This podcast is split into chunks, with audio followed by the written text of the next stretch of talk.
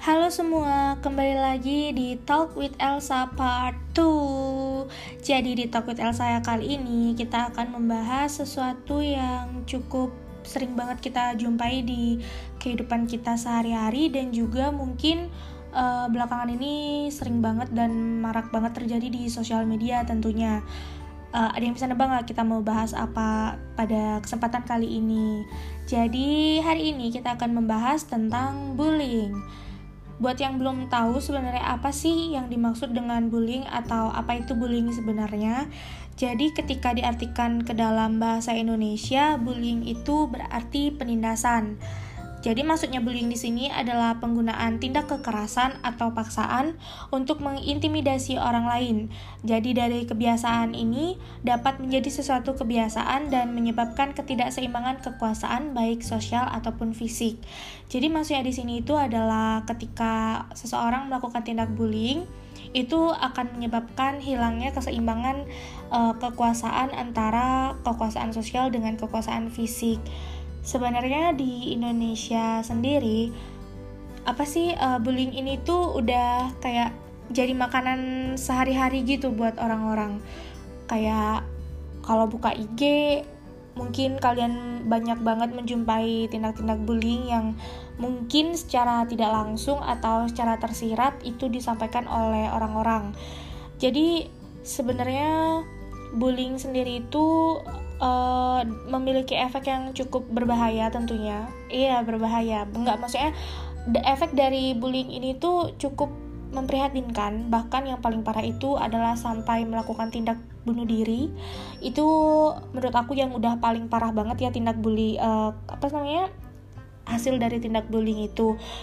Kalau di Indonesia sendiri mungkin emang aku yang belum tahu belum ada kayak belum pernah dengar kasus orang meninggal karena bullying gitu. Mungkin ada tapi mungkin aku belum pernah dengar buat yang tahu mungkin bisa nanti kita sharing di uh, di lain waktu. Terus kalau misalnya di internasional yang paling terakhir yang paling menggegerkan menurut aku itu uh, adalah meninggalnya mendiang atau sosok atau seorang idol K-pop itu uh, Suli mungkin buat yang suka Korea mungkin udah nggak asing lagi ya sama kata-kata atau sama uh, nama dan kasus Suli ini.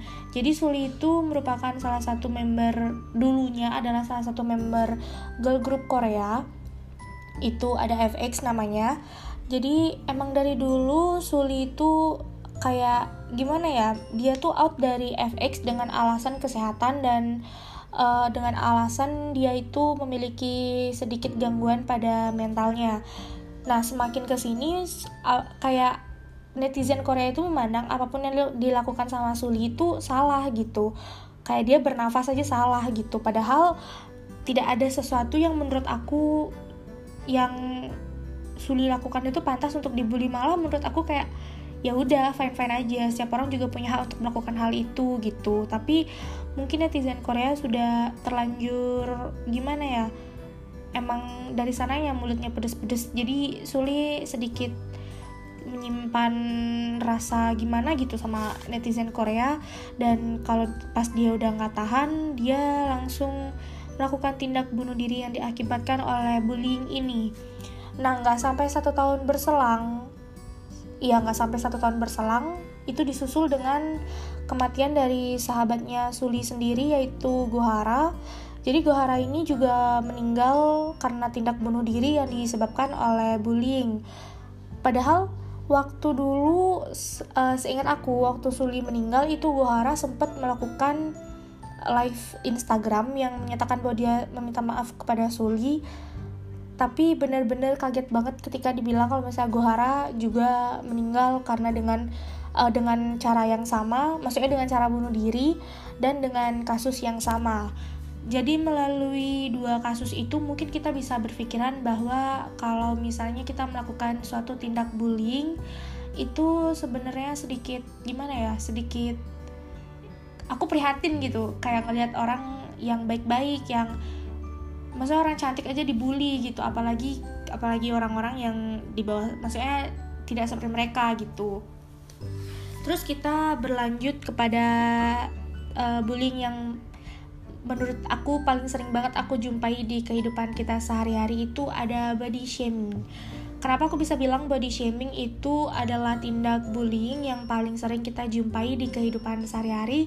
Itu karena banyak orang yang secara tidak langsung mengucapkan kata-kata yang menjurus kepada body shaming dengan background atau dengan uh, embel-embel ya udah sih aku cuma bercanda gitu. Tapi lama kelamaan kayak seseorang kan pasti punya batas kesabaran kan. Tapi lama kelamaan itu kayak ngerasa aneh aja gitu kalau misalnya dengerin orang melakukan body shaming dengan background bahwa mereka itu cuma bercanda. Contohnya yang paling sering kita jumpai itu adalah body shaming masalah kulit.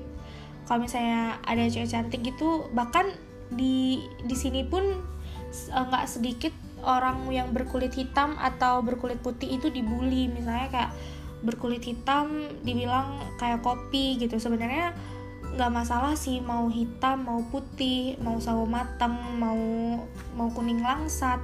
Semua itu mereka punya caranya mereka untuk menjadi cantik atau menjadi tampan dengan caranya mereka masing-masing. Uh, terus aku juga sering banget menjumpai orang-orang yang kalau misalnya uh, sedang melakukan tindak bullying dan sampai si orang yang mereka bully itu menangis atau kayak ngebales gitu kayak apaan sih apaan sih? gitu terus mereka tuh kayak nggak mau disalahin gitu loh dengan alasan ya udah itu emang realita gitu. Iya emang kita bisa bilang itu adalah realita tapi dengan real re maaf maksudnya dengan realita itu bukan berarti kalian itu punya hak buat melakukan tindak bullying kepada seseorang di sini kita tuh uh, sepantasnya ya dengan Indonesia yang jangankan orang-orangnya, suku, bahasa, ras, dan budaya yang kita miliki itu sudah beragam banget dan jumlahnya itu udah nggak bisa dihitung pakai jari lagi. Di situ aja kita bisa menghargai uh, perbedaan yang ada di setiap orang, uh, di setiap daerah maksudnya. Tapi kenapa kita nggak bisa menghargai perbedaan-perbedaan yang timbul di uh, di setiap orang kayak nggak semua orang kulitnya putih, nggak semua orang kulitnya hitam gak semua orang itu kurus gak semua orang itu gendut gitu. Jadi wajar-wajar aja sih kalau misalnya kalian mau bercanda tapi mikir-mikir juga kalau efek dari bercandaan kalian itu apakah nyakitin hati orang ini atau mungkin malah mereka juga bisa nganggap itu bercanda gitu. Terus tindak bullying ini kebanyakan yang paling sering di kita jumpai itu adalah pada masa-masa orientasi tentunya di sini pasti banyak banget kan yang punya kayak gimana ya kayak rasa rasa agak aneh mengganjal gitu di hati kalian ketika kalian melakukan orientasi baik di sekolah SMP, SMA atau yang paling sering kita jumpa itu sih di universitas ya di setiap universitas. Tapi beberapa tahun belakangan ini menurut aku uh, bullying yang ada di setiap masa orientasi itu udah berkurang bahkan tidak ada sama sekali. Coba kita bedakan ke zaman dulu deh, zaman tahun 90-an. Banyak banget aku lihat-lihat cerita-cerita orang di uh, melalui YouTube, melalui sosial media itu mereka mengatakan bahwa orientasi pada waktu itu benar-benar gimana ya? Jatuhnya itu bullying yang menurut aku udah parah sih kalau dalam bentuk ngata-ngatain gitu. Saya kayak ada orang gendut, dia telat terus manggilnya tuh kayak eh gendut ngapain telat? gitu. Tapi ya namanya kita hormat ya sama kakak tingkat pasti kita juga takut kan buat ngelawan gitu. Tapi uh, semakin kita ke sini semakin kita berada di era yang modern menurut aku pemikiran masyarakat pemikiran orang-orang yang sudah ada di universitas itu udah mulai terbuka. Mereka sudah mulai open minded dengan keadaan-keadaan yang ada di masa sekarang. Jadi bahkan waktu aku orientasi pun bener-bener sejarang itu aku menemukan kata-kata yang mengatakan bahwa jangan stop apa sih namanya kayak nggak ada kata-kata yang mengarah ke bullying. Kalau misalnya kita telat ya ditanya kenapa telat? Kenapa bisa telat? Dan kalau misalnya telat udah tahu kan konsekuensinya kayak gimana gitu tanpa ada uh, melakukan suatu tindakan bullying dan yang paling parah itu yang paling sering kita jumpai di Eh, orientasi-orientasi di universitas itu adalah pembuatan kartu nama yang sesuai dengan ciri-ciri kalian gitu. Misalnya nih, ada orang dia itu dibil bisa dibilang sedikit dengan postur badan yang berisi dan juga memiliki kulit yang sedikit gelap. Jadi dia harus menamai dirinya dia itu terong gosong atau terong apa gitu yang warnanya hitam. Jadi di situ menurut aku jatuhnya itu bukan orientasi. Seperti yang kita tahu orientasi itu kan masa pengenalan, masa kita untuk bersosialisasi dan berinteraksi dengan orang-orang baru yang ada di universitas. Tapi kenapa ketika kita masuk universitas itu malah jatuhnya kita dibully? Tapi kita uh, sepatutnya yang ada di zaman sekarang itu benar-benar bersyukur banget maksudnya generasi milenial yang sudah mulai membuka pikiran akan hal itu sekarang pun ospek-ospek di fakultas ataupun universitas itu sudah mulai menyediakan nemtek yang ya benar-benar nemtek itu berisi tentang identitas kalian. Identitas dengan nama asli dan identitas dengan nomor induk begitu. Jadi aku sedikit ya bisa dikatakan sedikit bangga melihat perubahan yang ada di orientasi yang dulunya itu jatuhnya bullying sekarang udah jatuhnya seperti edukasi. Terus kita melihat bullying yang berada di sosial media. Ini banyak banget dan emang sesering itu aku jumpai. Yang belakangan ini emang viral banget. Aku lagi bukan lagi ngepoin sih lebih kayak lagi ngikutin dan emang sering banget muncul di beranda aku itu masalah seseorang yang aku nggak mau sebut namanya tapi kayak kalau aku sharing ini kalian semua pasti bakal tahu orang itu siapa. Jadi orang itu dia dibully dengan cuma karena bukan cuma sih kayak karena dia itu makan bakso tiga biji. Sebenarnya di situ emang itu jatuhnya lucu cuma komentar yang diberikan oleh masyarakat itu menurut aku terlalu berlebihan. Kayak sampai bawa-bawa mak lo ngidam apa sih dulu sampai lo lahir kayak gini. Menurut aku itu udah keterlaluan banget. Terus bilang kayak e, ih baksonya ditelan kasihan banget baksonya gitu-gitu.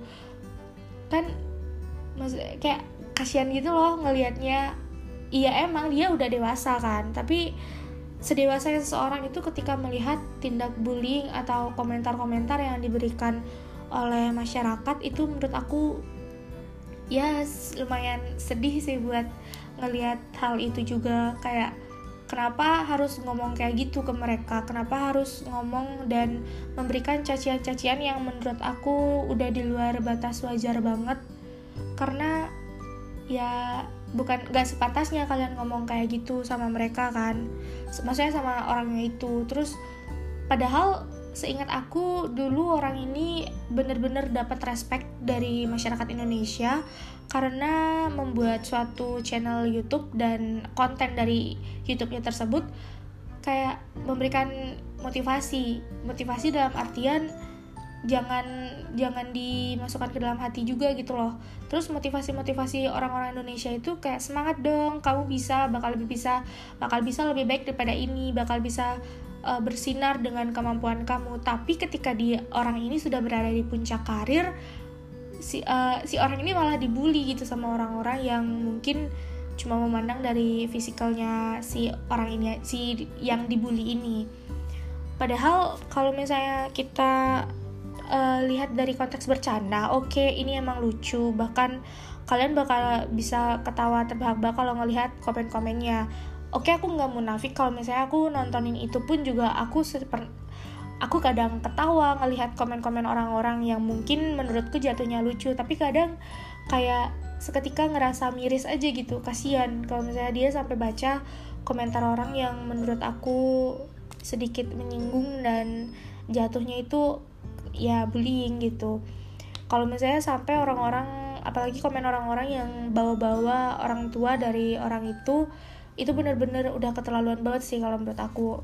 Bahkan aku pun menerapkan sama diri aku sendiri silakan hina aku tapi jangan hina orang tua aku gitu. Terus mungkin dia juga berpikiran seperti itu makanya dia nggak sempet bahkan tidak membalas komen-komenan orang-orang di videonya dia.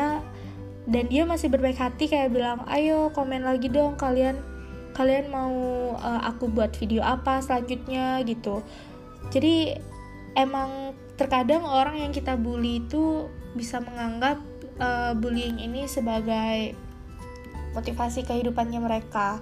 Kayak iya aku dibully karena aku hitam jadi aku bakal perawatan biar aku putih gitu.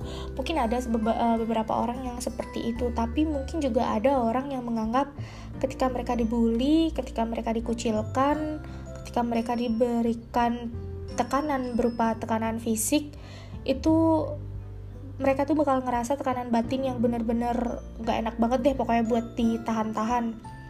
Kebanyakan orang-orang yang kayak gitu emang bener-bener butuh banget teman cerita.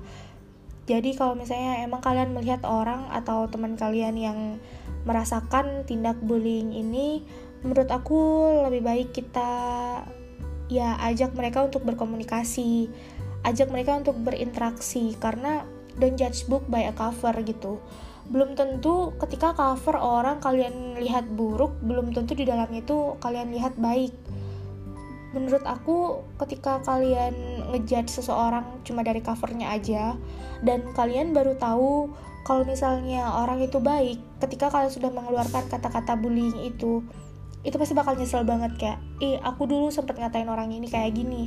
Aku dulu sempet bilang dia kayak gini padahal enggak gitu.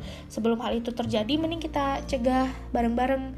Pasti uh, caranya mencegah bullying dengan orang-orang banyak ya meningkatkan komunikasi kita antar satu sama lain. Ketika ada orang yang mungkin di kelas kalian atau teman terdekat kalian atau rekan-rekan kalian yang sedikit pendiam pada biasanya tidak seperti biasanya itu jangan dijadiin bercandaan ya karena itu benar-benar jadi pengalaman pribadi aku. Sebenarnya aku waktu itu ya namanya masih SMP kan. Aku nggak tahu emang bukan gak tahu emang belum tahu kalau mas saya dia lagi ada masalah dengan uh, familynya dia. Terus tiba-tiba dia datang ke sekolah murung nggak kayak biasanya. Terus aku sama teman-temanku bilang kayak eh diem aja sih lo kayak bebek lagi ber uh, eh, kayak ayam atau apa sih aku bilang? Kayak ayam lagi bertelur gitu. Pokoknya aku bilang sesuatu yang bener-bener yang bikin dia makin kayak sedih gitu. Ternyata pas udah pulang sekolah dia teman aku bilang eh udah deh jangan dicanda-candain lagi kasihan anaknya gitu.